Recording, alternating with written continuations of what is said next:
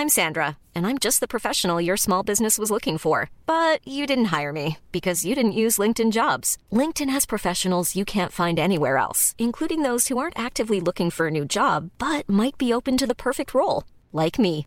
In a given month, over 70% of LinkedIn users don't visit other leading job sites. So if you're not looking on LinkedIn, you'll miss out on great candidates like Sandra. Start hiring professionals like a professional. Post your free job on linkedin.com/people today. It's that time of the year. Your vacation is coming up. You can already hear the beach waves, feel the warm breeze, relax, and think about work. You really, really want it all to work out while you're away. Monday.com gives you and the team that peace of mind. When all work is on one platform and everyone's in sync, things just flow wherever you are. Tap the banner to go to Monday.com.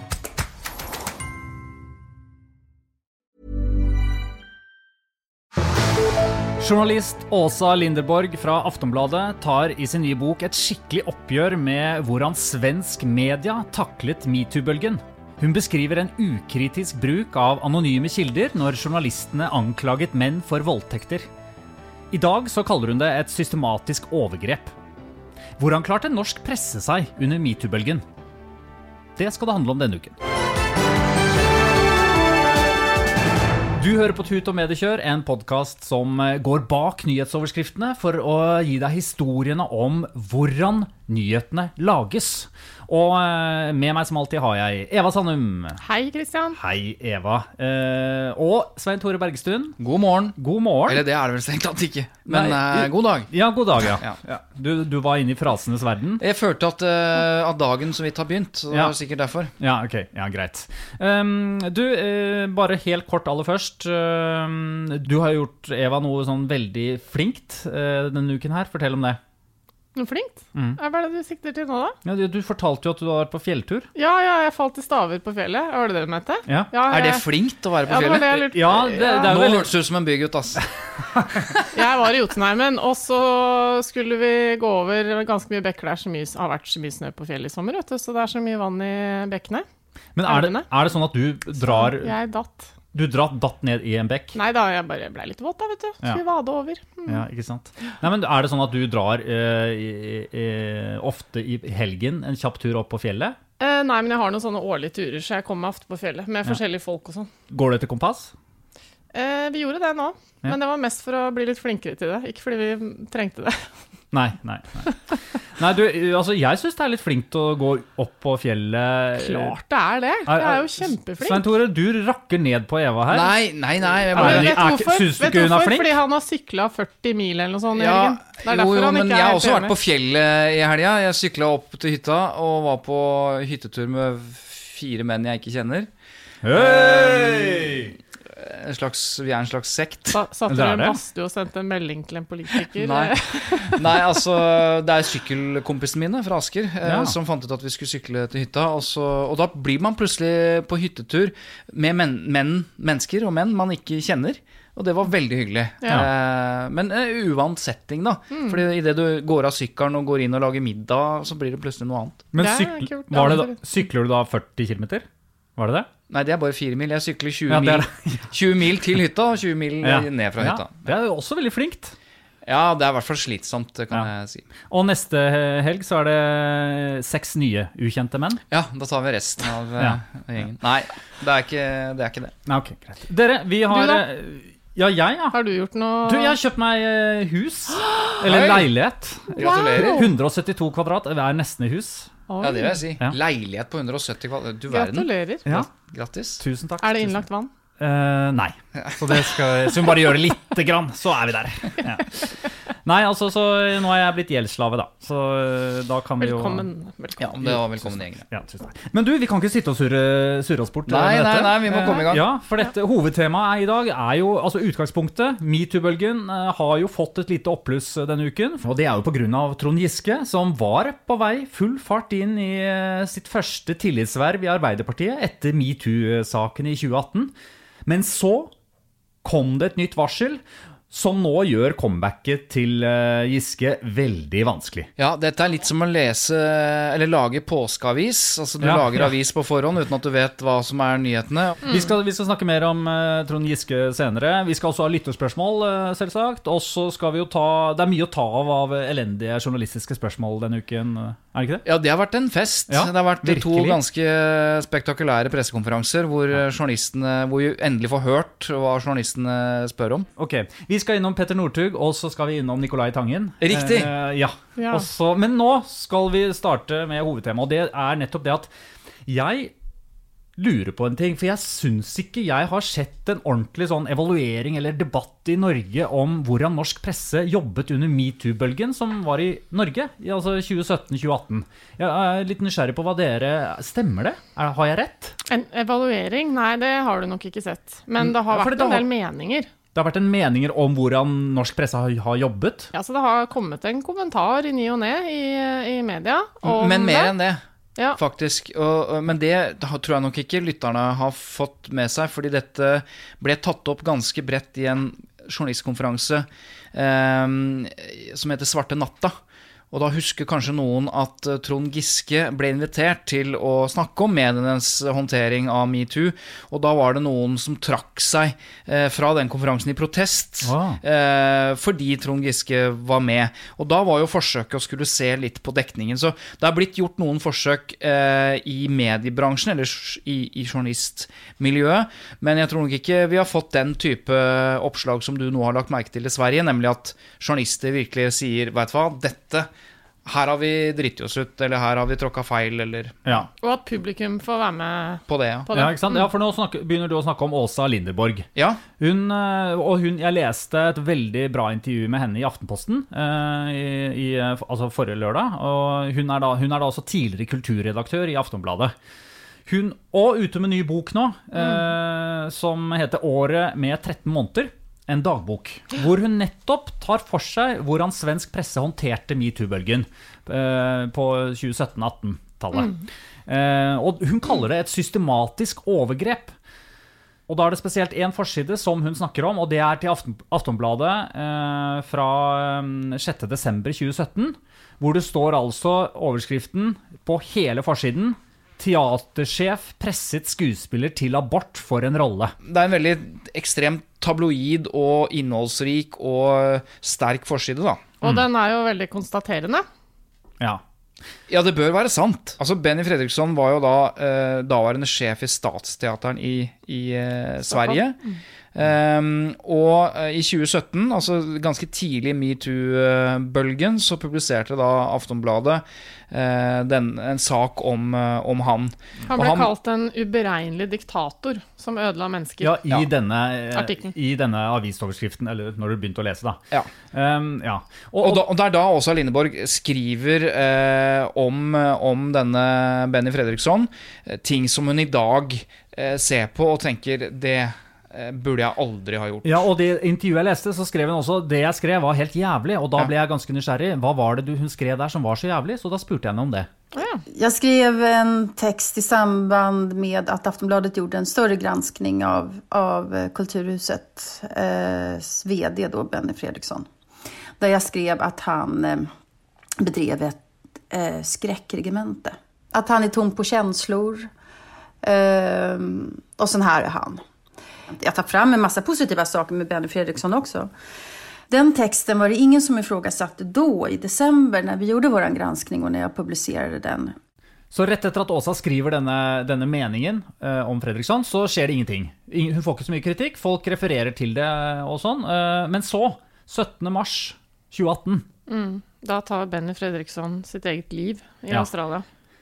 Da skjer jo det som på sett og vis eh, det verste som kan skje, eh, og også eh, medienes skrekk, da.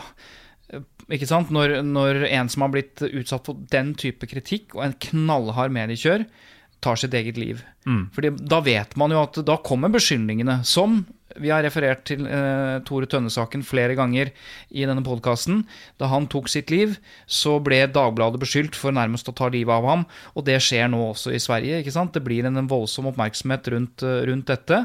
Eh, fordi han av eh, grunner vi ingen jo vet, eh, men velger å ta sitt eget liv. Det er jo alltid veldig sammensatt, selvfølgelig. Man kan ikke ikke gi det kun en grunn. Men i hvert fall fem dager etterpå så publiseres det da en ekstern granskning, granskningsrapport som reinvasker eh, han for anklagene Ja.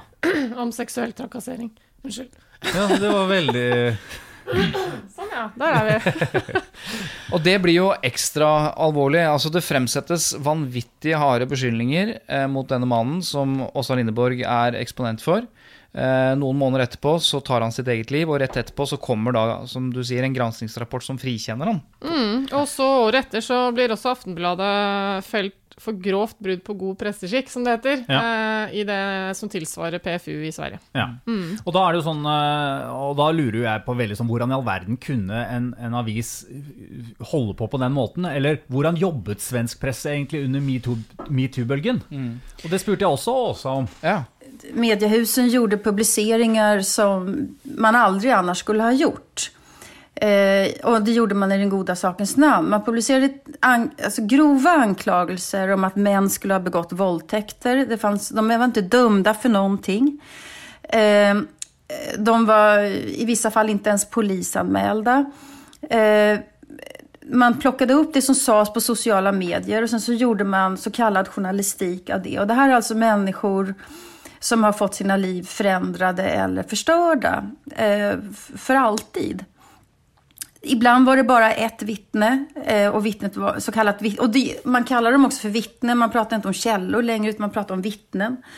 Eh, och eh, de var anonyma.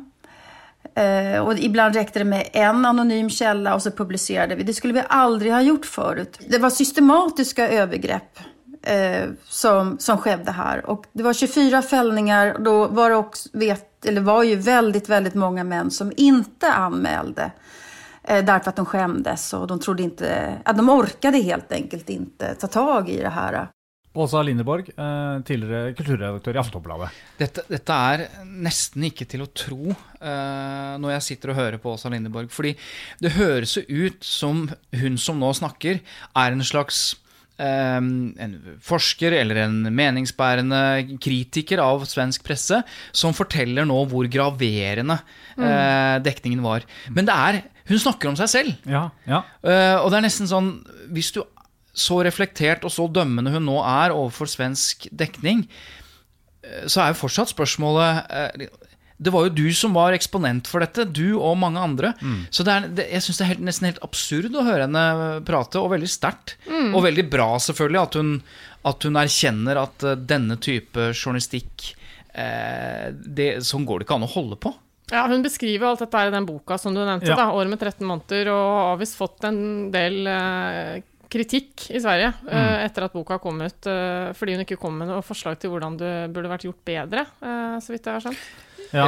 Ja. Men eh, det er jo veldig bra, jeg er helt enig i at eh, hun nå tar selvkritikk og, og prøver å gå litt dypere inn i det, og etterlyser at flere gjør det, da. Eh, og jeg spurte henne også litt om dette her med hva, sånn litt sett i etterkant, hva svensk presse har lært av dette. Hva vi har lært, og hva som også er dokumentert, er at vi har blivit mye forsiktigere med namnpubliceringar efter metoo. Det er pinsamt for alle mediehus at felles fällas på det här viset och eh, läsarna tycker inte om det heller har det visat sig. Eh, man tycker det är snaskigt. Åsa Lindeborg, eh, tidligere kulturredaktør i Aftenbladet. Så har du Virtanen, da. Vi har Ja, ikke snakket Virtan, om ja. ja. uh, Virtanen-saken, som også som veldig veldig kort, som også ble utsatt for voldsomme beskyldninger. Eh, ingen vet egentlig hva som har skjedd i den saken. Fredrik Virtanen, Riktig. journalist, i, også i Aftenbladet. Kulturpersonlighet som ble beskyldt på sosiale medier for voldtekt. Det Av endte jo eh, til slutt Sissi Wallin. Ja, Sissi Wallin. Det endte jo til slutt at Sissi Wallin ble dømt for ærekrenkelser, eh, uten at vi vet helt hva som har blitt sagt. Men det, det er også et eksempel på, eh, på den svenske Skal vi si de, de svenske tilstandene i metoo-dekningen som Åsa Lindeborg eh, snakker om. Men i, i dette, etter at jeg har lest dette intervjuet med henne, så begynte jo jeg å lure litt på sånn eh, hvordan norsk presse arbeidet under metoo. Ja, Går det an å sammenligne? jo, det, og det skal vi også gjøre, da. Snakke med litt journalister. Men altså, bare for å liksom, oppsummere metoo i Norge. Så, det begynte i USA med Harvey Weinstein og, og skandaler eh, der. Eh, New York Times eh, avslørte masse ting som vi jo alle kjenner til. Eh, og, men i Norge så har metoo kanskje handla om eh, veldig mye forskjellig. Altså alt fra veldig gråsonesaker til ordentlig straffbare forhold. Så det er et stort spenn, da. Eh, Sånn alt fra blikk og tilfeldig berøring eh, til trakassering og ordentlig seksuelle overgrep har liksom vært innunder den hashtagen. Men det som kanskje var liksom viktig i Norge, tror jeg, er at eh, det, det første som Oppropet som kom i Norge, det som ble kalt Stille før opptak, eller Stille for opptak, som var skuespillere og, og filmfolk og sånn som samlet seg under denne hashtagen. Der ble det eh, opprinnelig den eh, Facebook-gruppa, tror jeg det var, eh, oppfordra til å anonymisere anklagene man kom med. Og det satte Ja. en ganske god standard helt i oppløpet til metoo her i Norge, da. At uh, rett og slett så, så fortsatte dekningen i Norge å ha et større fokus på det. Men- at folk skulle anonymiseres. Men var ikke det noe av det som eh, Åsa snakker om var et problem, nettopp? At det ble så mye anonyme kilder til slutt? Nei, her Ja, handler det om altså- anonymisering av over, de som er påståtte overgripere. Altså Ja, At man sånn, ja. ikke identifiserer eh, Ja, sånn. Fredriksson og Virtanen og sånn. som de. Så det er helt motsatt. Men Ja, vi snakker om anonyme kilder. Ja, men bare for å si, sant, det som er viktig, altså det som er interessant med dekningen av metoo, er jo at det er flere ting man må ta hensyn til som, som journalist. Da, ikke sant? Du, uh, I utgangspunktet så har man jo muligheten til å avdekke et veldig viktig samfunnsproblem. Strukturelle problemer i arbeidslivet og i politikken og, og generelt. Eh, og man kan slippe til viktige stemmer, skape debatt og fokus, få inn, eh, få inn ting som ikke har vært eh, berørt før i journalistikken. Men så må man jo unngå gapestokk, og det er det som er eh, det som var viktig med at man ba om anonymisering av de man anklaget. For man kan jo ikke bare oute masse folk med helt ville påstander uten at det er faktasjekket. Det er problemet, da, for det kan jo fort bli et overgrep mot enkeltpersoner. Men metoo i Norge, eh, hvis vi skal oppsummere det, hvis jeg skal oppsummere det, Ja, så det. handler jo det om Trond Giske og Giske-saken. Den ble så dominerende i dekningen, eh, eller i metoo-dekningen. Eh, og det ble også sagt og snakket om også eh, når kommer, eller hva er den norske Harvey Weinstein-saken? Eh, er det Giske-saken? Vel, det var i hvert fall Giske som det ble skrevet mest om. Eh, og dermed så ble for det ble jo ikke så mange eh, Hvis du tenker på stille før opptak og kultur eh, og teater og filmmiljø Det ble jo ikke så store saker ut av det. Det ble Nei. bare veldig mange sterke eh, beretninger og varslinger om at dette var et problem. Men det blei aldri noe skurk i den saken, for å si det litt sånn banalt. Nei. Og anonymiseringen skjer jo allerede eh, på sosiale medier. En ting er at mediene aldri identifiserte noen, men, men, eh, men, det, men man måtte være flinke, da, mye flinkere i Norge enn i Sverige til nettopp ikke å henge ut. Men Men, det var jo Trond. Giske-saken som, som på en måte har dominert metoo-dekningen Ja, i Norge. Dessverre, på et vis, da. fordi at den har så mange aspekter som ikke bare egentlig er metoo-relatert. Men det er jo den som står igjen. Men hvorfor eh, Husker dere hvorfor eh, han ikke ble anonymisert? Ja, det er ganske enkelt fordi at øh, politiske journalister eh, visste jo at det gikk mange rykter og var mye snakk om eh, Trond Giske og hvordan han oppførte seg mot kvinner og yngre. At det var mye festing og alkohol og, Ja, og, og, det unge fantes, damer i politikken. Og, og det fantes opplysninger som ingen hadde fulgt opp, eh, som, var, som kunne liksom kategoriseres under metoo. Så det var jo da, det var jo starten på det, at Dagens Næringsliv publiserte eh, sine første saker om Trond Giske. Eh, som jo ikke virket alvorlig i det hele tatt. Og noen lurte på liksom, hvorfor publiserer man det. Og når du spør om identifisering, skal man først eh, skrive om eh, Trond Giske, så går det ikke an å anonymisere han. En kan- så høytstående politiker er vanskelig å anonymisere. så det var aldri noe alternativ. Der måtte man, Skulle man skrive om den saken, så måtte man også ta konsekvensene om at Trond Giske ble identifisert og påstått at det var noen Altså Saken i starten var jo bare 'det var noen som mente at', osv. Jeg eh, reiste opp til en journalist som har vært veldig sentral i eh, metoo-dekningen for VG, nemlig Marie Melgaard. Eh, hun jobbet jo eh, sammen med Lars Joakim Skarve, som jo var journalisten bak Sofie-saken. De jobbet tett sammen i, eh, i, eh, fra 20, høsten 2017 om, og dekket metoo for VG. Så jeg reiste opp til eh, Marie Melgaard um, og spurte henne hva, uh, ja, hva slags refleksjoner hun gjør rundt den jobben hun gjorde som journalist. Altså hva, hva, hva er viktig uh, å tenke på når man er, er journalist i, i dette? Uh, og det vi først snakket om, var rett og slett hvorfor skrev man ikke om disse sakene før metoo? Altså Det var jo ikke sånn at overgrep eller seksuell trakassering mot uh, gjerne kvinner, verken i mediebransjen eller andre steder, begynte liksom i 2017. Det var bare at journalistene skrev ikke om det. Nå har du presentert tre spørsmål samtidig. Gjorde du det til henne? Nei, det. Jeg gjorde det. Ja, Det var jo veldig, veldig svakt. da, Jeg Tore. Jeg stilte jo ikke alle spørsmålene på en gang. Nei, så hva er, det, hva er det du nå stiller aller først? så jeg hører vi lurer på på, det. hvorfor journalisten ikke skrev om metoo før det ble en bevegelse. Altså Følte de ikke noe ansvar for det? Hvorfor skrev vi ikke om disse sakene? Ja, jeg er ikke helt enig i at det ikke ble det. fordi du har jo masse eksempler på maktmisbruk, eh, seksuell trakassering som har blitt dekt. Men jeg tror kanskje terskelen for hva en da skrev om var høyere. Altså Vi har jo Birkedal-saken som et eksempel. Eh, og så kom jo metoo, og da ble jo terskelen for å si fra eh, lavere. Eh, jeg tror forhold som kanskje mange hadde tenkt at de ikke ville snakke høyt om. Eh, og man hadde ikke noe ord for det heller, det holdt man for seg sjøl. Men etter metoo så var det mange som sa at det jeg har opplevd er seksuell trakassering. Og jeg tror også at pressen da blir mye mer bevisst på at f.eks. at eh, noen blir tatt på rumpa på et julebord av en sjef, det handler om en maktstruktur. Eh, dette er seksuell trakassering eller eh, maktmisbruk, og det er noe pressen skal dekke. Mm. Så det er ikke sånn at man aldri har dekka det før, eh, men nå har bevisstheten i samfunnet gjort at vi har åpna øya litt mer for hva som er innafor det vi kan skrive om, er min vurdering. Det som skjedde var jo at metoo-bølgen den åpna jo opp for at det kom flere varsler om forholdene rundt Trond Giske, som, eh, som, bare hadde florert som sånn rykter frem til det. At det plutselig var lov til å snakke om det? Ja, si og det, i det øyeblikket det kommer varsler, som jo kommer inn til ledelsen i partiet, så er det jo også eh, rettferdiggjort å begynne å lage saker på det. Mm. Ja, fordi og her er en veldig vesentlig forskjell på den svenske og norske dekningen allerede. Som Åsa Lindeborg sier, så lagde de journalistikk på varsler som kom til avisredaksjonene, eller som kom i sosiale medier. Eh, og så lagde de journalistikk på det, uten å forholde seg til den vanlige presseetikken. I Sverige. I, Sverige. Mm, mm. I Norge eh, så fikk man masse tips redaksjoner og journalister fikk masse tips om dette her, som aldri ble publisert. I Men, lang tid ja, ja, før dette her. Og, og den mm. dag i dag, ikke sant. Men de første sakene de grep fatt i, var jo nettopp, som Eva sier, saker som ble en sak fordi det var en prosess i et politisk parti. ikke sant? Det var varsler som var kommet. Og da begynner man å omtale det etter hvert, og rettferdiggjøre omtalen av det ut fra at dette her er faktisk viktig. Da finnes det et formelt varsel. Ja, ja. ja. Mm. Så det er jo en stor forskjell. Og Hva er grunnen til at det er en sånn stor forskjell?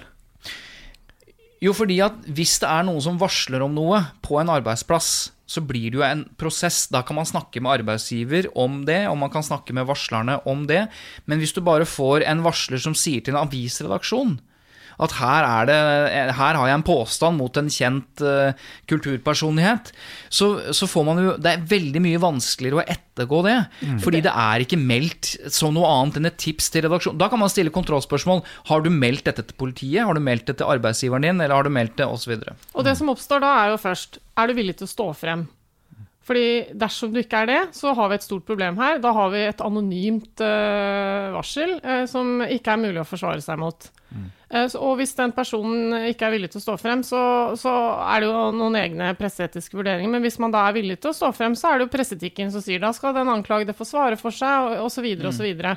Men hvis du, kommer, hvis du anklager noen for å ha gjort noe, og ikke vil eh, stille med navn, og ingen, ingen, andre har vært til stede, så blir det jo helt umulig å forsvare seg mot mm. for den som er og det betyr at norsk presse eh, har ikke satt på trykk saker hvor det har vært anonyme varslere. Eh, eh, la oss si at det var et anonymt varsel mot meg, da. Så kunne ikke Dagbladet ringe til meg og si Svein Tore, vi har fått eh, et varsel mot deg, og du skal ha gjort sånn og sånn. Ja, hvem er det som sier det? Nei, det kan vi ikke si. Men hva, med, hva, hva vil du si til ditt forsvar? Det går jo ikke. Nei, ikke sant? Og det gjorde aldri norsk presse. Så når Trond Giske får varselet mot seg, så vet jo Trond Giske hvem som har varslet mot han, selv om vi som lesere ikke blir gjort kjent med det. Akkurat. Ja, og så tror jeg han vil nok eh, hevde at eh, han ikke i tilstrekkelig grad fikk vite det da, eh, underveis osv. Han har jo ment mye om det i offentligheten. Men, Så- men han har hele tiden visst hvem Altså, de varslene har han visst Han har jo hele tiden visst identiteten på de menneskene. Hvis ikke så kan han jo ikke komme med noe fornuftig tilsvar eh, til det, hvis han ikke vet hvem. Da vet han jo heller ikke når og hva. Nei, ikke sant? Og utfordringen her er at det er en prosess som foregår i Arbeiderpartiet. Eh, og den observeres av offentligheten og presses frem av, av mediene, da, som vil ha svar ikke sant, underveis, for de dekker det eh, nærmest minutt for minutt. Så det var jo et eh, utrolig stort kaos, kaos der, hvor ting ble omtalt eh, lenge før eh, Arbeiderpartiet fikk eh, satt seg ned og vurdert disse varslene ordentlig. Så Vi satt jo som publikum og vurderte ting eh, eh, parallelt, nærmest. Og så, ble det også en sånn liten Vi, bølge Altså publikum, lesere, Ja, du, ja. mediekonsulenter. Ja, lesere, ja, ja. Men sant? Og i pressen så er det jo sånn at vi vil jo helst da at folk skal stå frem hvis det skal omtales. Fordi anonyme varslere er ikke bra å, å publisere i utgangspunktet. Og da blir det også øh, et potensielt press mot varslerne. Ikke sant? Hvor øh, en journalist i utgangspunktet prøver å gjøre en god jobb, nemlig å liksom sørge for å ha en god, åpen kilde. Men øh, så kan det føre til et press overfor de varslerne. Ja, men stå fram, stå fram, dette er viktig, du er en del av en metoo-bølge. Hvis du gjør det, så kan flere få mot til seg til å, å tørre å stå fram osv., og, så videre, og tørre å varsle og sånn. Så det ble sikkert en sånn Det er kanskje det som er litt kritikkverdig i den saken her i etterkant. Og det skal vi høre etterpå. Vi har snakket med flere redaktører eh, og, og, og en journalist som dekket metoo, at et av de viktigste læringspunktene er jo nettopp dette. Altså den, at arbeidsprosessen, og når du innhenter informasjon, kontakten med kilder, ikke ble hensynsfull nok. Dette var jo både unge kilder, sårbare kilder, som hadde opplevd mye. Og den pågangen som de opplevde, og det presset de opplevde, der har norske journalister og redaktører tatt, tatt, tatt lærdom, eller sier at de har tatt lærdom av, av det. da. For dette skjer jo, som Eva sier, i det gode tjeneste på et vis. da. Ja. Og for det som er utfordringen, er jo at uh, pressen fikk en del av disse varslerne til å stå frem. Eller de valgte i hvert fall å gjøre det. Eh, og så etter hvert så altså, eh, Trond Giske erkjente jo noen forhold. men, Ganske eh, tidlig. altså Det skjedde jo også- veldig kjapt på, før jul. Ja, der da, gikk av som, eh, som nestleder mm. jula 20... Ja, eller på nyåret, da. Ja. Gikk han av. Og, I 2018. Mm. Og så, og så, men han var også veldig tydelig på at han ikke aksepterte alle anklager. ikke sant? Han eh, mente også at det var en del eh, ting som det ikke var hold i. Eh, og da er det også en belastning for en varsler at du har valgt å stå eh, frem i offentligheten med navn og, og på en måte din historie, for det var jo en del av detaljene i disse varslene som lekket også til pressen. Og så eh, motsetter jo den du har varslet seg forholdene, og så blir du stående i offentligheten litt sånn eh, at eh, alle må vurdere om du er troverdig, rett og slett. Så det er jo en enorm påkjenning også for varslerne, da. Men bare for å ha det helt klart, bare, er det sånn da at eh, under når, når Trond eh, Giske-saken begynner å komme opp, Mm. er det sånn da at i pressen i lang tid i forveien har sittet på Har veldig mange navn på varsler, har veldig mange ting, men ingen vil stå frem. Ikke sant? Og derfor så kan ikke de, alle, de eh, Da sitter journalisten og venter litt på at én faktisk sier Vet du hva, jeg står frem med navn og bilde. Jeg, ikke helt. fordi at husk på, I starten av, uh, av Trond Giske-saken eller Giske-saken, så visste ikke verken Dagens Næringsliv eller VG eller noen om disse varslene som ble, som ble stående som de viktigste varslene i Arbeiderpartiet. De visste ikke hvem de var, og kjente ikke innholdet i varslene i utgangspunktet. Nei. Det de satt på, var masse rykter og historier osv. okay. Og, Og de det er fant snakket om lekkasjer.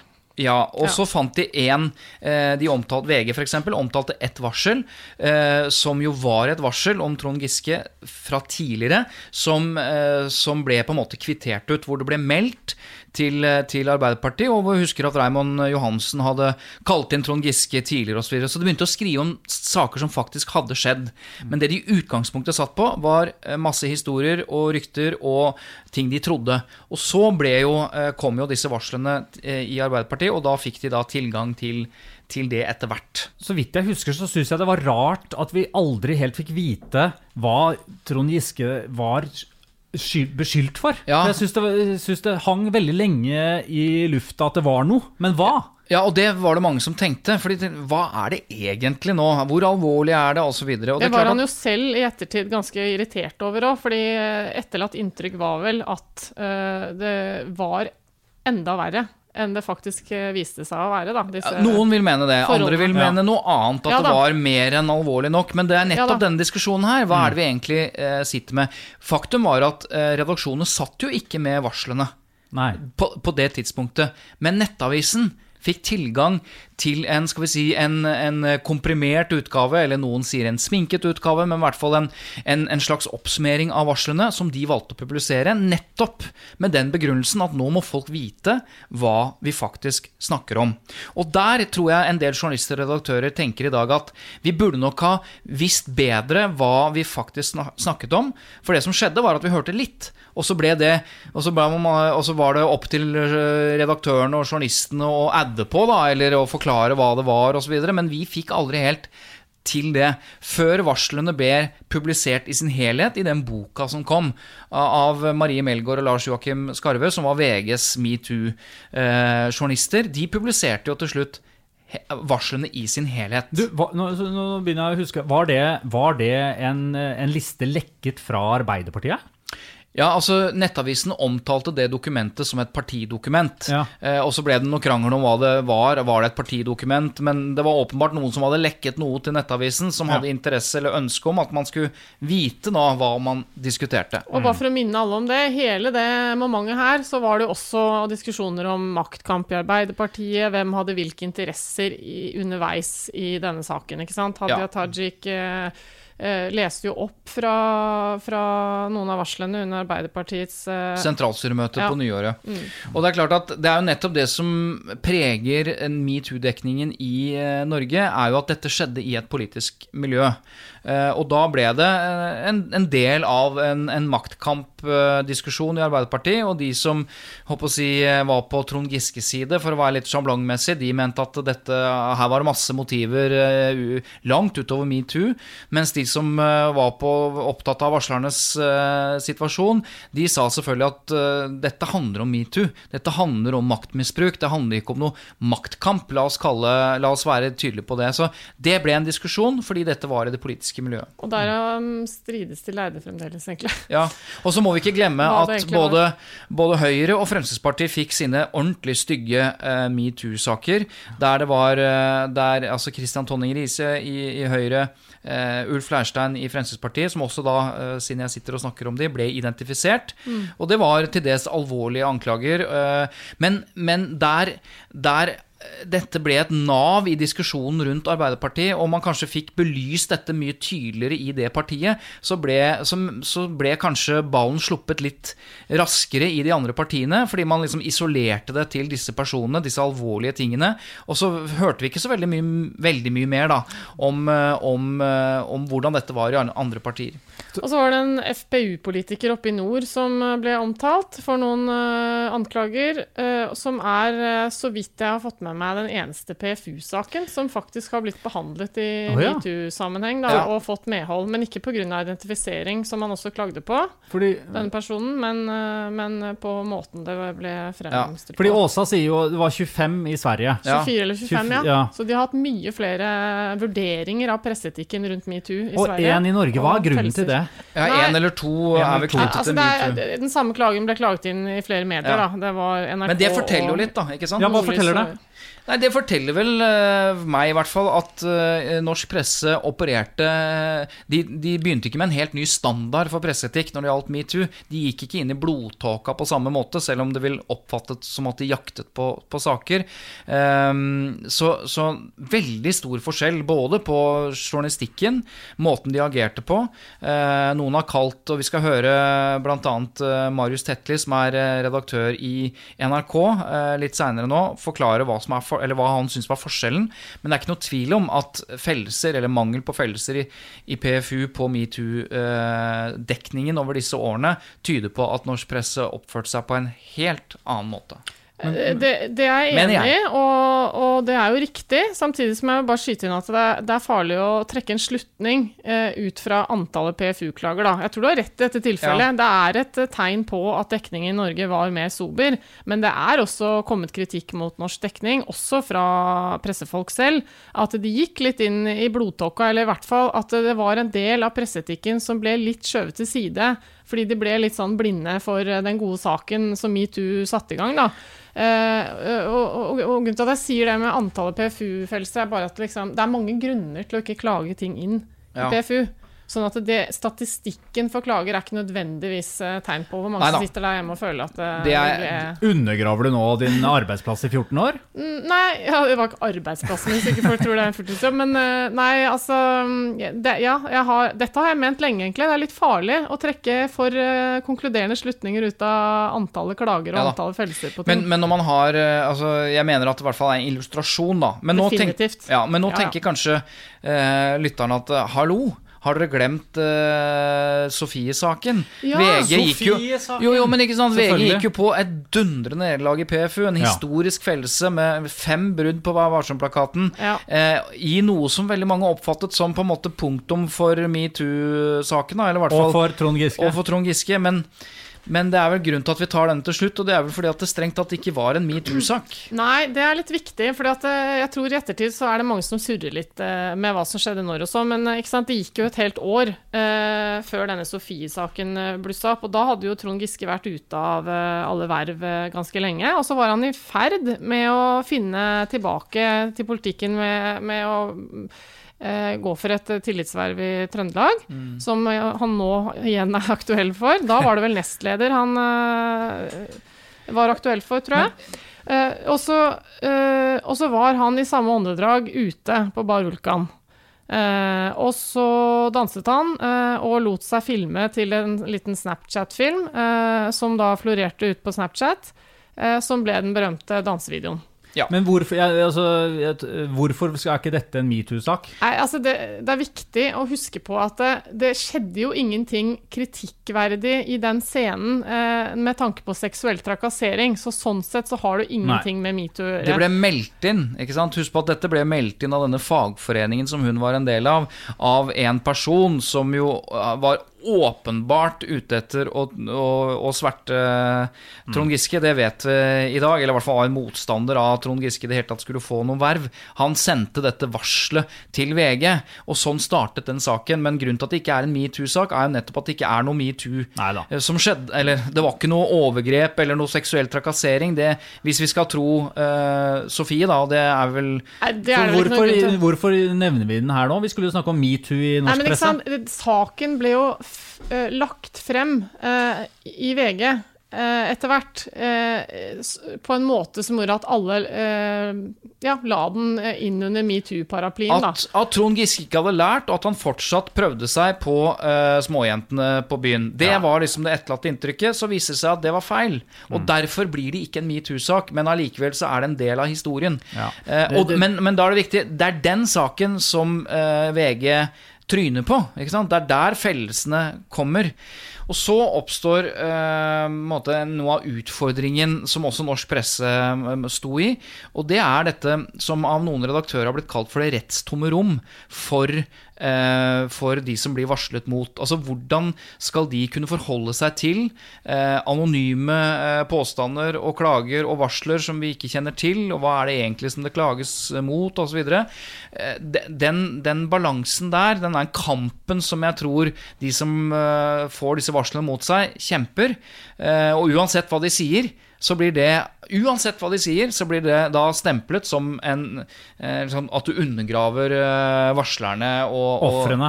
Ja, ikke sant? Og det er jo det som er utfordringen her. Ja. Det er jo også interessant å høre hva, hvordan journalistene selv beskriver hvordan de jobber. Eh, Nei. Jo, jeg syns Er jo det det. mulig? Er det, kan de snakke? Ja, kan de det? er det ikke de det? alltid redaktørene som skal Ja. snakke på vegne Nei. En journalist skal uttale seg. Det er noen som er modige nok, og en av de er Marie Melgaard, som jeg reiste opp til eh, og, og stilte noen spørsmål rundt dette med utgangspunktet for sakene. For det er jo sånn at vi tror på varslerne har blitt et begrep. Altså ikke noe pressen sier, men, men, eh, men de som mottar varslene og arbeidsgiverne, de skal liksom de skal tro på For å være på riktig side av historien, side. så Ja. tror vi på varslerne. Ja, og det har jo vært av noe av kritikken mot pressen, sånn som jeg opplever det, at man liksom har inntatt offerets uh, posisjon uh, ganske kjapt, da.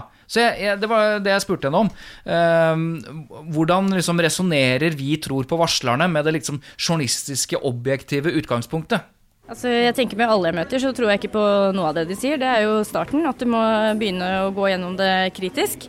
Eh, men det du refererer til, vi tror på varslerne, er vel egentlig Jonas Gahr Støre som sa etter de hadde vurdert Trond Giske sine saker.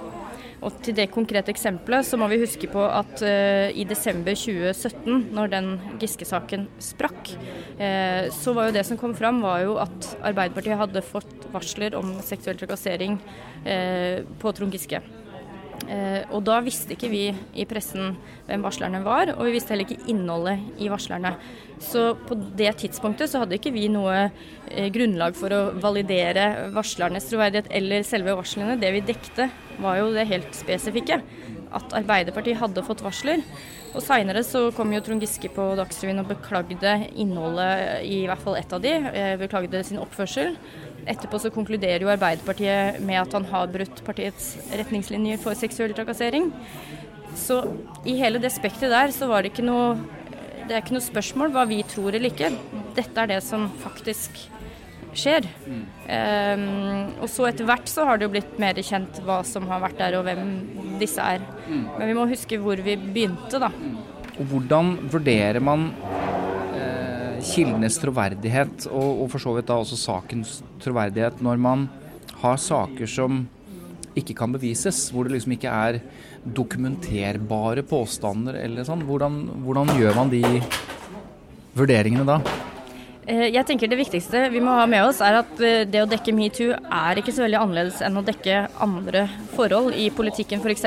så kan jo jeg få høre noe om eh, politikere sånn og sånn er dårlig likt i sitt eget parti, men jeg kan ikke dokumentere det. Men man må jo faktasjekke det. Og, så, og det samme gjelder jo i eh, spørsmål om metoo, da, eller anklager om seksuell trakassering du kanskje møter en kilde som forteller deg om et forhold den har opplevd, så må du faktasjekke det du kan. Eh, har disse personene vært på det stedet samtidig? Eh, er det andre som kan fortelle at de f.eks. fikk en tekstmelding den aktuelle kvelden dette skjedde? Så du må faktasjekke rammen, og hvis du da opplever at det er på plass, så kanskje man går videre. Eh, men du må jo alltid gjøre en hva skal jeg si, du gjør jo en vurdering når du møter et menneske om du oppfatter at den historien de forteller er troverdig eller ikke. Og deretter så handler det jo om å eh, snakke med den anklagede part. Og jeg tror mange som ikke jobber i pressen, tror at folk bare får en oppringning, og så skal de gi et tilsvar, og det er det. Og for all del, så enkelt har det av og til skjedd, og det, ikke, det, det bør unngås. Men ofte så får jo de som er anklaga lese hele teksten, de får god tid til å gå gjennom påstander. Det er ikke sånn at alt blir satt på trykk. Ofte er det jo ganske mye som må tas ut, fordi vi, vi kan ikke gå helt god for det innholdet. Men så en annen viktig ting, i hvert fall for oss som skriver, så handler det jo om ordbruk. Nettopp hvis det er ord mot ord, så må vi jo vise det. For jeg syns det er helt legitimt å skrive saker hvor det er ord mot ord. Metoo eller øh, anklager om øh, underslag eller hva det måtte være. Men da må man få fram at dette er én part sin opplevelse eller én part sin øh, vurdering av et forhold. og ikke konkludere i språk og si at denne har rett og denne har feil.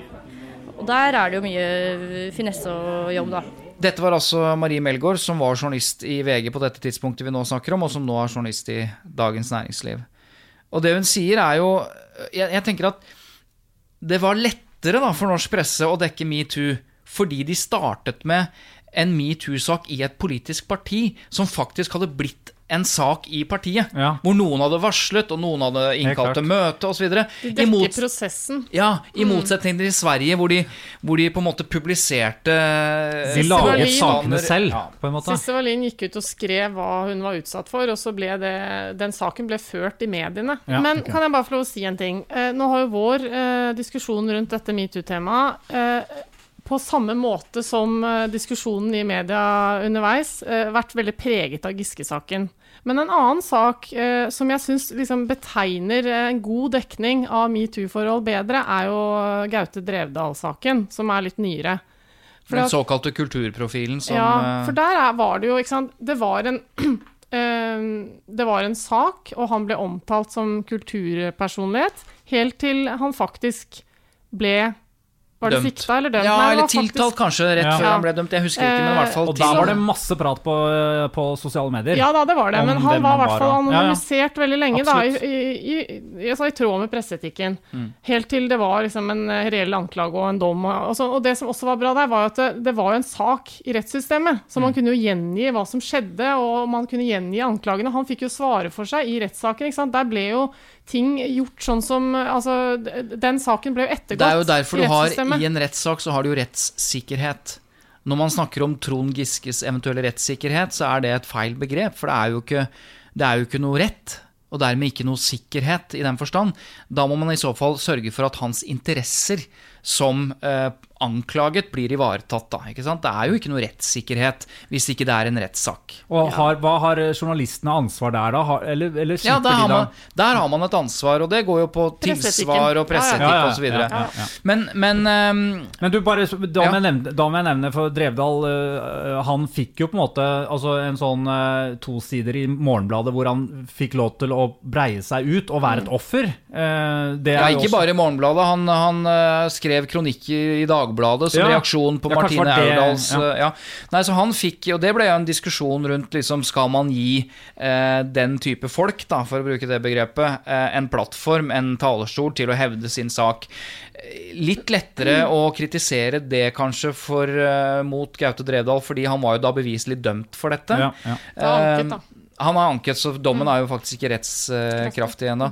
Men eh, nei, det er, en, det er jo også en diskusjon. Hva er det som er rettighetene og interessene til de som eh, skal ha begått denne type handlinger, da? Men Eva, hvordan klarte norske journalister seg da? Du, du satt jo i dette kildeutvalget. Hva er, det, de- hva er det dere holdt på å surre med med en kopp te og kaffe der? Ja, vi surra jo litt med Vi skulle beskrive utfordringene og fallgruvene med kildebruk i norsk presse. Ja. Eh, Da konsentrert rundt kapittel tre i Vær varsom-plakaten, som handler om, eh, om kilder. Ja. Eh, Og folk som ikke vet hva kilder er, eh, kan vi bare Intervjuobjekter. Ja, de man snakker med, rett De og man slett. Ja, snakker ikke med, sant? ja. Ja. Altså intervjuobjektene, som er enten proffe eller, eh, eller helt uerfarne. Og så- Amatører. Og journalistisk atferd, da. Det er det vi skulle se på. Hvordan Ja. dette foregår. Og da så dere også på metoo. Ja, eller det vil si, vi så ikke på foranledningen, for dette kildeutvalget var jo egentlig liksom alt det som blussa opp under Sofie-saken, men vi skulle se på dette helt generelt. Men det som var interessant, var at da vi intervjua masse journalister og redaktører i dette arbeidet, så hadde vi ingen spørsmål egentlig rundt metoo også, men det kom opp fra veldig mange. Fordi de trakk frem sin egen, altså pressens metoo-dekning som et veldig konsentrert eksempel på utfordringene, da. Eh, med presseetiske utfordringer, ikke sant. Og eh, bruken av anonyme kilder kommer jo da eh, veldig ofte opp. Hva At der ble vi litt blinde, Ja, er det akkurat. flere som sier. Altså, Det var mange av intervjuobjektene fra pressen da, som ga uttrykk for at arbeidet med, var altfor mye basert på anonym kildebruk, faktisk. Ah, ja. Eh, de gjorde det. Og at det tidvis var eh, for lav faglig standard, uten at jeg skal gå inn på alle detaljene rundt det. Men det var en del selvkritikk eh, der. Ja. Og så har ikke jeg sett, eh, og bare for å understreke det, da, det var en liten del av eh, det vi gjorde, så metoo var ikke noe eget tema der, Nei. sånn sett. Eh, men eh, jeg syns det er litt interessant, for at eh, all den selvrefleksjonen som var i disse intervjuene, i den rapporten, den har jeg ikke sett så mye av i offentligheten. Nei, men da var det vel anonyme kilder, var det ikke det, i den eh, kilderapporten? Om anonyme kilder? Nei da, de var faktisk ikke Ah, anonyme. ok. Nei, men Det er litt lettere å reflektere rundt egen metodebruk i en, i en kilderapport enn å stå i norsk Ja, offentlighet og, og piske seg selv. Så Ja. det, mm, men så Men, men jeg, ja. spurte, jeg spurte også Åsa Lindeborg hvordan hun oppfattet For hun sitter jo helt utenfra hvordan hun oppfattet at norsk presse eh, jobbet under metoo-bølgen. Jag uppfattade ju att, att man i Norge var otroligt mycket försiktigare med namnpubliceringar. Men att man publicerade Trond Giskes namn, det, det faller sig ganska naturligt eftersom det, det var nästledaren i Arbeiderpartiet, så det kan jag förstå. Eh, men ni gjorde ju inte alls på samma sätt som vi gjorde i Sverige med publicistiska övertramp. Men det som, det som intresserade mig, eftersom jag är mycket i Norge, det var att när metoo hade brutit ut i Sverige, så kom, det kom ju lite senare till Norge, men då började det med Trond Giske-saken som ju som träffade Arbeiderpartiet rätt upp i toppen. I'm Sandra, and I'm just the professional your small business was looking for. But you didn't hire me because you didn't use LinkedIn jobs. LinkedIn has professionals you can't find anywhere else, including those who aren't actively looking for a new job but might be open to the perfect role, like me.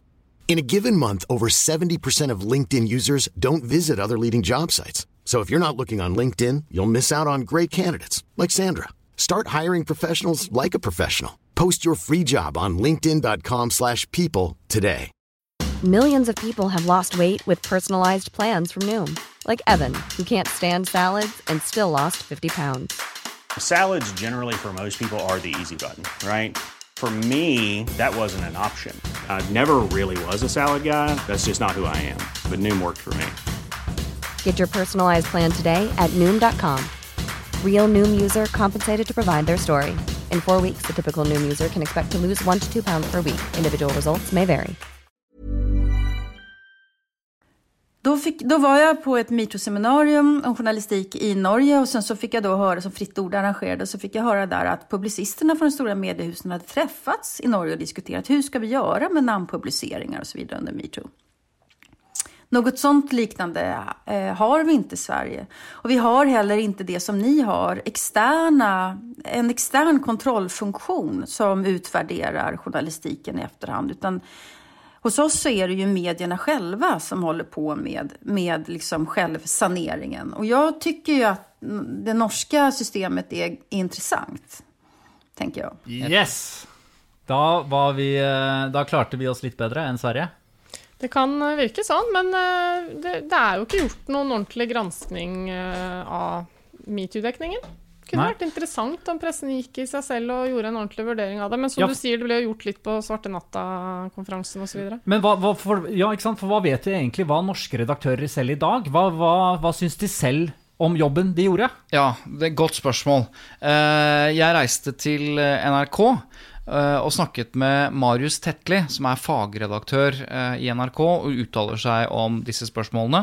Han har lang erfaring fra VG, men kom til NRK i, vel i 2017, i- faktisk omtrent da dette startet.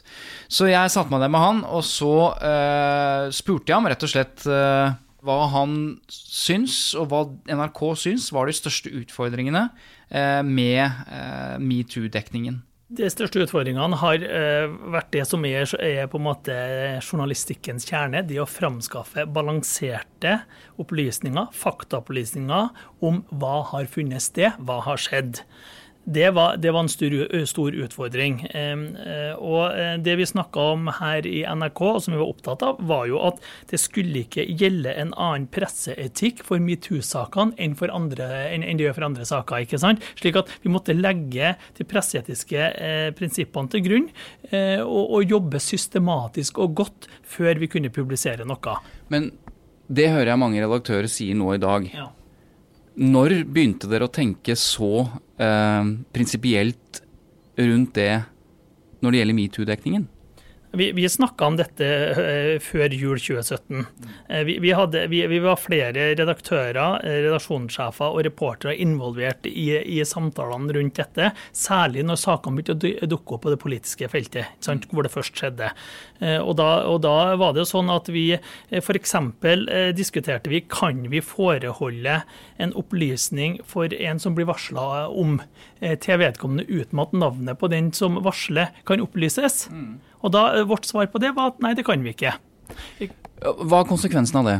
Konsekvensen av det var jo at vi måtte, eh, vi måtte gjøre et, et, eh, et, bredt grunnlag av arbeid for å prøve å finne ut eh, Kan andre vite om dette? Er det andre opplysninger som understøtter det varsleren sier? Er dette en sak som har vært kjent for ledende personer? Altså et klassisk nøstearbeid. da.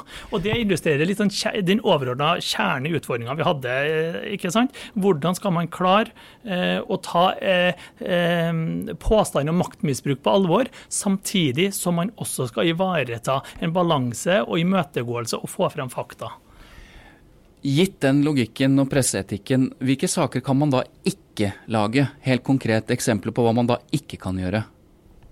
Jeg mener at det er problematisk å skal fremsette beskyldninger mot navngitte personer basert eh, på eh, et varsel fra anonyme personer som ikke understøttes av andre opplysninger. Dette var altså Marius eh, Tetli, fagredaktør i NRK, som jeg var oppe på Marienlyst og snakket med. Åh, fikk du eget kort, eller? Ja, nei da, jeg fikk sånn besøkslapp. Sånn hvit på, ja. Mm, det var rart å være der og gå inn på NRK for å intervjue NRK istedenfor uh, motsatt. Men, men, her sier jo han det. Vi kan jo ikke uh, Altså, jeg vet ikke om det han sier uh, gjelder for alle de sakene. At de var så prinsipielle og var så nøye. det kan jo godt hende noen som har blitt intervjuet av NRK, ikke opplever opplever at, de, at, det var sånn. Men hvis vi, hvis vi, tror på han, da, og det bør vi vel egentlig gjøre, så understreker jo dette eh, både det Åsa Lindborg sier om forskjellen på Norge og Sverige, men det understreker også det, det litt vi har snakket om, da. At um, i stor grad så valgte vel norske medier å, å følge presseetikken, eh, og ikke lage en slags alternativ gapestokk-logikk eh, eh, da, da metoo traff. Men jeg, jeg, ser at det andre ikke nødvendigvis er enig i det. Det som er litt utfordringen, sant, er at eh, når man bruker eh, anonyme kilder, da, så øh, blir det laget kommentarjournalistikk basert på informasjon fra anonyme kilder, altså som da i kommentarer kan øh, fremlegges nærmest som fakta. Det er jo en utfordring. Og så var det en del eh, som påpekte til kildeutvalget at det var mye sitering. ikke sant? Hvis eh, en avis lager en, avis nei, en, sak basert på en anonym kilde, og så blir den referert i veldig mange andre medier, da blir det en dobbeltutfordring. For eh, ingen har jo mulighet til å sjekke fakta. Mm. Og det er jo sånn som uh, han sier her i intervjuet fra NRK, at eh, problemet er når det er opplysninger som ikke kan faktasjekkes noe annet sted. For at uh, du, Det må jo gå an å komme med et varsel, men da må du enten som journalist prøve å finne ut av er det noen andre som kan underbygge dette. Nei, altså Som regel er det jo ord mot ord. for Når det er snakk om seksuell trakassering, med mindre det har foregått på et landsmøte og det er masse vitner, men det kan jo være ting som har skjedd i en leilighet og sånn, Eh, så er det jo ord mot ord, og da er det liksom Hvordan skal du faktasjekke det? Mm. Du, altså, jeg føler sånn uh, hittil, uh, hvor vi er, står akkurat nå i, i, vår prat i forhold til hvordan norsk presse har jobbet med og snakket om i etterkant metoo-bølgen, så føler jeg veldig at norsk presse har vært superflinke.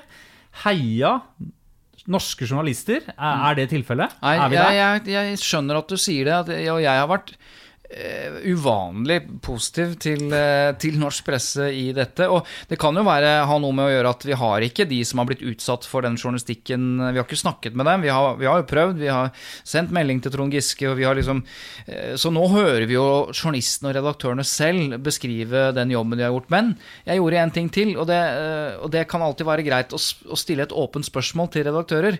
Åpent, hva, ja. ja hva, hva, hvilke læringspunkter hvilke, eller hva syns du sjøl om jobben dere har gjort, da? Som mm. vi har stilt uh, med hell flere ganger. Ja. Og jeg sendte dette i går kveld. Altså seint i går kveld til 15 redaktører, og jeg har fått utfyllende svar fra 10. Det er skriftlig, vet du. Det har ikke så mye å si hvis du, du, hører på dette kanskje når som helst i hele livet ditt. Så da, i går kveld har ikke så mye å si. Nei, nei, men det er kort tid siden. Ja, og, tid siden. og, de har, eh, har lagt seg særland for å svare på dette. Og her er læringspunktene fra, fra redaktørene, og jeg tar den litt sånn fortløpende for å høre om det er noe bredde her. Ja. Altså Sara Sørheim, nyhetsredaktør i NTB, hun mener at læringspunktet f.eks. er at metoo tydeliggjorde hvordan seksuell trakassering har vært en blindsone. Altså læringspunktet punktet er i seg selv at dette burde vi ha vært mer oppmerksomme på. Og så er hun inne på dette her med sårbare kilder. Eh, at vi må tenke på at her er det sårbare kilder. Varslerne, blant annet. Skjalg Fjellheim, som er, er, politisk redaktør i Nordlys og kommentator i Nordlys, han har jo vært en slags prøvd å være en motvekt til Oslo. da, og Han sier at dette sterke, brennende engasjementet for metoo det må rett og slett ikke oppheve journalistikkens tyngdelov, eh, og, og etikken må drive kildekritikk. Eh, vi må skille mellom sannhet og løgn, maktkamp og metoo. Og da er han liksom inne på at hallo, må, hva er motivet her? Vi må skille her, vi må følge presseetiske regler. Og det er det flere som, som, eh, er inne på her. Tora Håndlykken, som er nyhetsredaktør i VG, hun sier at eh, det vi velger å publisere fra anonyme kilder, må være mulig å etterprøvbare. Og det må være mindre påstander og meninger. Og det har vi snakket litt om i dag. ikke sant? At kravet til å videreformidle anonyme eh, påstander, det må, være, det, må vi, det må være ekstra oppmerksom på. Også, påpeker også et ekstra ansvar overfor utrente intervjuobjekter. Nettopp. Så det er hun også opptatt av. Karianne Solbrekke, som er nyhetsredaktør i TV 2, hun er opptatt av det som jeg har vært inne på flere ganger, dette rettstomme rommet som fortrinnsvis menn ble utsatt for da, i, i, i, dette. Eh, og hun sammenligner med dekningen i, eh, i eh, retts, altså kriminalsaker. Da har man jo en, en regel, som vi har snakket om i Tut og Mediekjør før, at når publiserer vi, når identifiserer vi med mistenkte, tiltale og domfelte, hva gjør vi i en metoo-sak? der det er påstander, og da mot en. Um, Hege Ulstein i Dagsavisen hun eh, er opptatt av at vi må bli flinkere til å stille liksom systemet til ansvar, eller i hvert fall snakke om dette som et systemproblem, og ikke bare enkeltpersoner. Og i, i Ap og Giske-saken så, så, har man vært veldig opptatt av personen, og da forsvinner kanskje noe av mm. det som er et stort problem. Da. Mm. Og det tror jeg er, er kjempeviktig. Mm. Uh, Siv Sandvik, politisk redaktør i Adresseavisa, hun er uh, også opptatt av, av liksom varslerne og hvordan den, den, journalistiske prosessen er. Hvordan vi må ta hensyn til at dette er uerfarne kilder, og det er også et viktig eh, læringspunkt. Um, Erik Stefansen, redaktør i, i, Nettavisen, han har vært litt som Skjalg Fjellheim, litt sånn kontrær til resten, altså, og sier at uh, vi har lært at vi ikke må løpe i flokk, og at mange medier tok for god fisk, det som DN og VG startet med. At vi må gjøre egne undersøkelser, for uten motstemmer så kommer da den, den uh, såkalte blodtåka.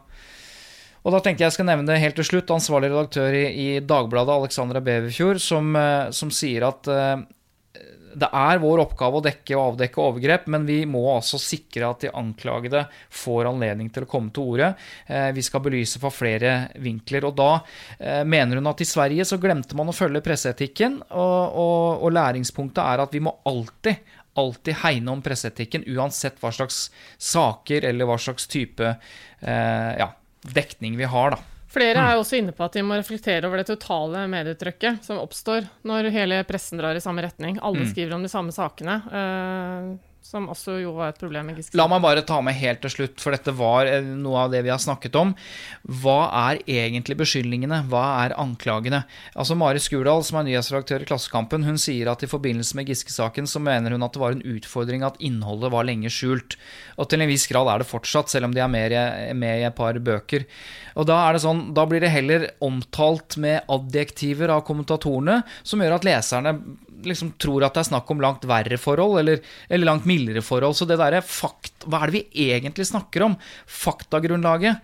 Det, det, tror jeg blir kjempeviktig når man skal belyse den type saker før, da. Samtidig som man må ta hensyn til at dette er sensitive ting som ikke kan bare spres eh, ut og publiseres uten omtanke. Det som blir litt spennende å følge med på nå fremover, er jo om norsk presse faktisk gjør det de sier at de skal og har planlagt å gjøre. Det har kommet et nytt varsel i Giske-saken. Hvordan vil pressen håndtere det i ukene fremover? Følg med, du som hører på. Det blir spennende å se. Du, nå må vi videre. Ja. Eh, vi har kommet frem til ukens lytterspørsmål. Den kommer fra Leif eh, fra Sandnessjøen. Eh, han skriver Jeg så på pressekonferansen med Petter Northug og la merke til uforberedte journalister. Ja. Det virket som om når de først fikk muligheten til å spørre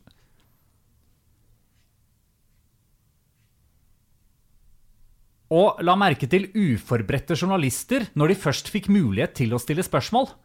Er de nervøse, eller aner de ikke hva de skal spørre om når de først får mulighet? Ja, Det er så godt sett, Ja. eh, og jeg tror det er mange som har sett det. Altså Husk på at Ja. de som driter seg ut på disse pressekonferansene, med all respekt, det er stort sett avisjournalister. Ok, Hvorfor sier du det? Fordi TV-journalister og radiojournalister de er jo vant til å stille spørsmål uh, som jo lytterne hører. Ikke sant? På- en helt annen grad enn avisjournalister. De sitter jo bare med kildene sine og, gjør, og snakker seg gjennom et, eh, et intervju, og ingen, eh, og ingen får høre spørsmålene noensinne hvis de ikke vil. Så her er det ikke uforberedte journalister nødvendigvis, men det er journalister som ikke er vant til å gå rett på et spørsmål liksom hvor formuleringene av spørsmålet også blir viktig. Nå vi- må vi ha et eksempel her, for jeg husker, klarer ikke helt å huske Det var et spørsmål som fikk veldig mye kritikk Ja. etterpå. Ja, og det var fra da? en journalist som jeg ikke husker uh, Nei, det var en fra en lokal Vi sier at det var en lokalavis i Trøndelag. Ja. Uh, og han som var ansvarlig for sportsdekningen der, han uh, spurte rett og slett om Northug hadde slitt med selvmordstanker, for det lurte han på. Eh, og det ble oppfattet som et slags sånn bunnivå for norsk presse når det spørsmålet kom. Og det handlet ikke nødvendigvis om Det var sikkert flere som lurte på det, hvor langt nede han hadde vært. Ja, Mm. Men det er noe med liksom timing og tid og sted. Du liksom Har du slitt med selvmordstanker? Har du vurdert å ta ditt eget liv? Og hvor, hvor direkte man stiller et sånt spørsmål for åpent kamera. Ja. Men du sa jo nettopp at det var nettopp eh, journalister som ikke var vant til å være der og stille direkte spørsmål rett på. Det gjorde jo faktisk han, da. Ja, men han var en avisjournalist som ikke har kanskje tenkt gjennom hvordan høres et sånt Nei, spørsmål ut for når hele Norge sitter og ser på tro, eh, Nei, Peter Petter Northug som sitter eh, på bånn. Han kunne jo stilt dette spørsmålet i et intervju med Northug uten at noen hadde reagert, for det hadde han jo bare formulert svaret på en riktig måte. Poenget er at her er det folk som ikke helt har forberedt spørsmålene sine.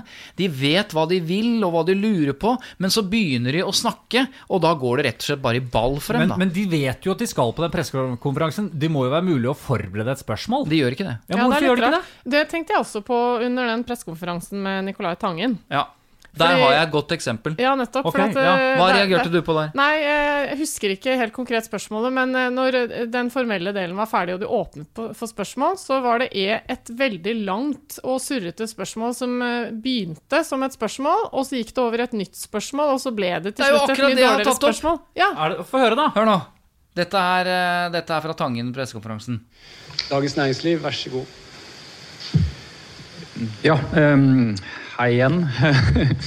Ehm, eh, du har jo åpenbart vært gjennom en eh, prosess her som leder frem til at du nå uh, kvitter deg med AKO og fond osv.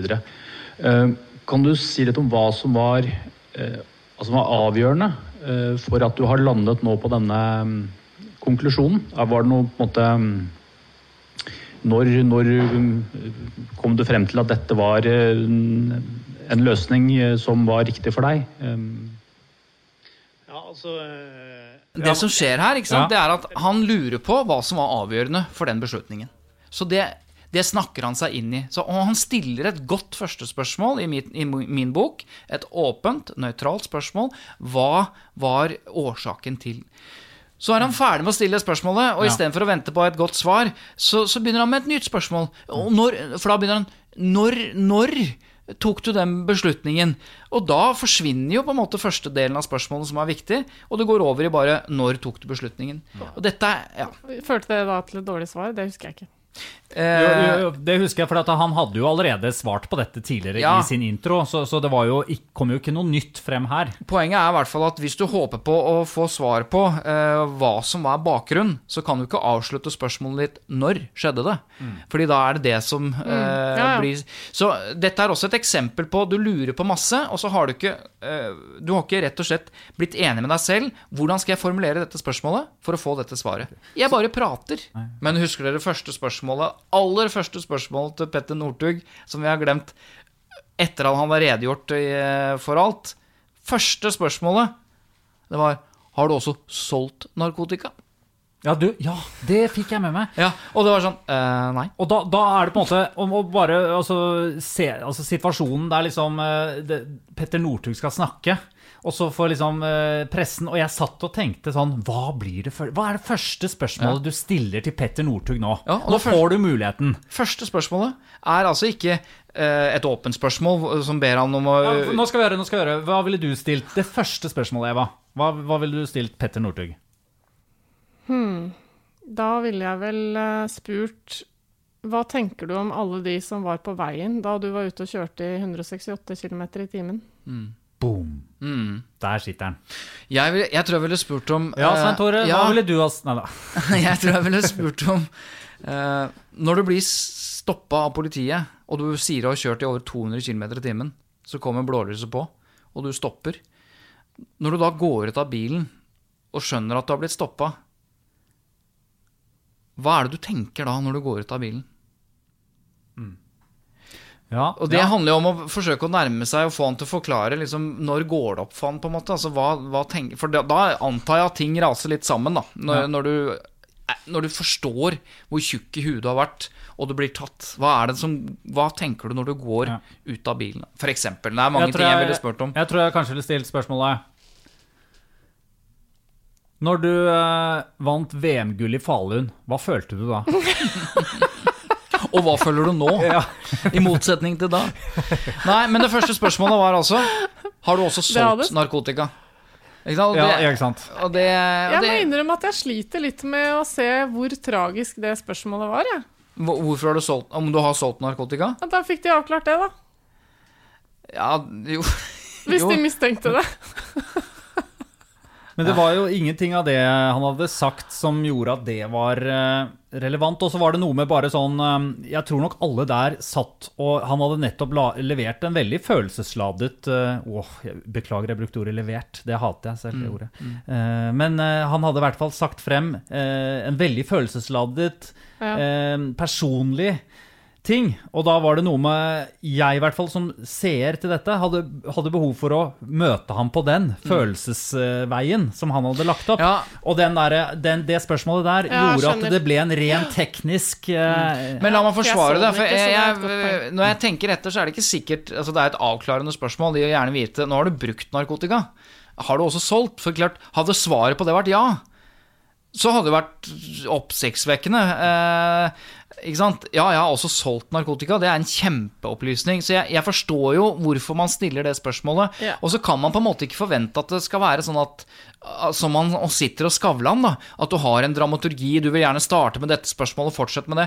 Fordi denne dramaturgien er jo overlatt til 40 forskjellige journalister, så hvor de begynner og hvor de slutter og hva de lurer på, er jo helt Derfor blir det jo veldig rart å følge den pressekonferansen, for det hopper jo, det blir Ja. Men det spørsmålet kan det også være liksom, en journalist som tenker litt langt litt fremover i potensielle saker og, nye katastrofer. At uh, han tvinger jo fram et ja eller nei. Ja. Og når han da tvinger frem et nei uh, hvis, det, hvis det hadde vært sånn, da, eh, helt hypotetisk, at det har vært noe greier Kanskje han til og med har hørt noen rykter det, Nå spekulerer jeg bare. ja så det er tvinger kan- han jo frem en løgn, eventuelt. Eller en innrømmelse. Så, så sånn sett så er det jo liksom hvis han svarte nei da på det der så, Det gjorde han jo. Ja, Nei. gjorde han. og så kommer det frem en kompis, uh, la oss si at han har en kilde da, som mener det. At uh, en gang så var jeg på fest, og Petter Northug eh, Ikke sant? Jeg bare lurer på om det er noe Ja, sånt men det er derfor spørsmålet kan ha en funksjon. Eh, Det er et avklarende, det er et avklarende spørsmål. Ja. Nå, nå, nå tar, skifter du mening, da? Ja, og det, og det, og det viser storhet. Ja, det gjør det. Det er sant, Ja. det. Sa Sånn Cæsar òg, tror jeg. sånn Nei, men det er et, det er et interessant avklarende spørsmål, eh, som, som jo høres helt ko-ko ut, eh, som du er inne på, Christian, når du åpner med det spørsmålet. Nå har du hørt alt dette her og vært på bånn. Har du også solgt narkotika? Så, men, men, men det er et avklarende spørsmål, for et ja skaper en vanvittig ny sak og overskrift, og et nei gjør at han må være ærlig. Eller bli bondefanga og Ja, ut nå. Men det også som ble litt feil her, var jo at det ikke var noe oppfølgerspørsmål på det. Fordi han sa jo nei Ja, på spørsmålet. Hvorfor ikke? Hadde du da vært neste? Hvorfor har du ikke solgt narkotika? Er det et godt oppfølgingsspørsmål? Jeg vet ikke. Hvem var det som stilte det? For det er morsomt å se om det kommer noe Nei, nå skal vi ikke Nei, si navn eller henge ut folk. Anonyme kilder har fortalt oss ja. at Ifølge eh, sikre anonyme kilder. Hvorfor skulle, hvorfor skulle Peter Northug selge narkotika? Altså, det er jo ikke peng, han har jo ikke hatt pengeproblemer, det er jo ikke det som er eh, utfordringen. Han har hatt rusproblemer. Dere, vi skal videre til eh, vår nye spalte Åpent lukket. Ja, og det- den er vi ferdig med, fordi lyttespørsmålet handlet om det. Herregud, det er sant, det. Dere, det var det vi hadde i dagens uh, Tut og mediekjør-episode. Og det var ikke lite. Det var jo ganske mye. Oi, oi, oi. Nå, Eh, men nå synes jeg jeg vi må komme med et løfte om at neste uke så skal vi ha en kortere episode. Ja, det syns jeg faktisk. ja. ok.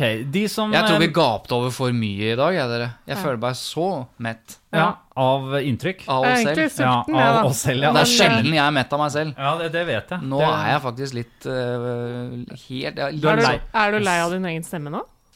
Tenk så mye vi da Vi har lært av denne oppsummeringen av Nei, er oppsummeringen ikke- av eh, norsk presse. Ja, Vi ja, har lært at vi kan bli lei oss selv.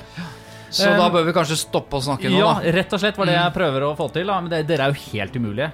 Uh, så uh, tusen takk, eh, Eva Sandum, Svein Tore Bergstuen. Jeg heter Christian Selv Lidermar takk, Strander. Christian. Tusen takk, Eva. Det er første gang du sier i løpet av disse 18 episodene vi nå har laget. Eh, og dette eh, programmet, eh, episoden, er laget av Lyder Produksjoner. Eh, tusen takk, Fritt Ord. Og så eh, Og takk ses til deg igjen. som hører på. Ja, ja, selvfølgelig. Mm. Tusen takk. Du er vår aller, aller beste venn. Lik og del. Ja, og så kommer kyniske Eva igjen. Det er greit. Ha det. Ha det.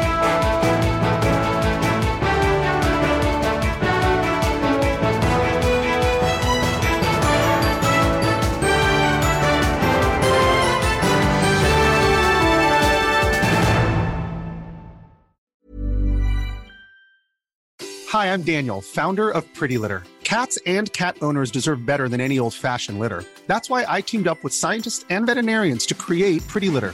Its innovative crystal formula has superior odor control and weighs up to 80% less than clay litter. Pretty Litter even monitors health by changing colors to help detect early signs of potential illness. It's the world's smartest kitty litter. Go to prettylitter.com and use code ACAST for 20% off your first order and a free cat toy. Terms and conditions apply. See site for details. When you make decisions for your company, you look for the no brainers. If you have a lot of mailing to do, stamps.com is the ultimate no brainer. Use the stamps.com mobile app to mail everything you need to keep your business running with up to 89% off USPS and UPS. Make the same no brainer decision as over 1 million other businesses with stamps.com. Use code PROGRAM for a special offer. That's stamps.com code PROGRAM.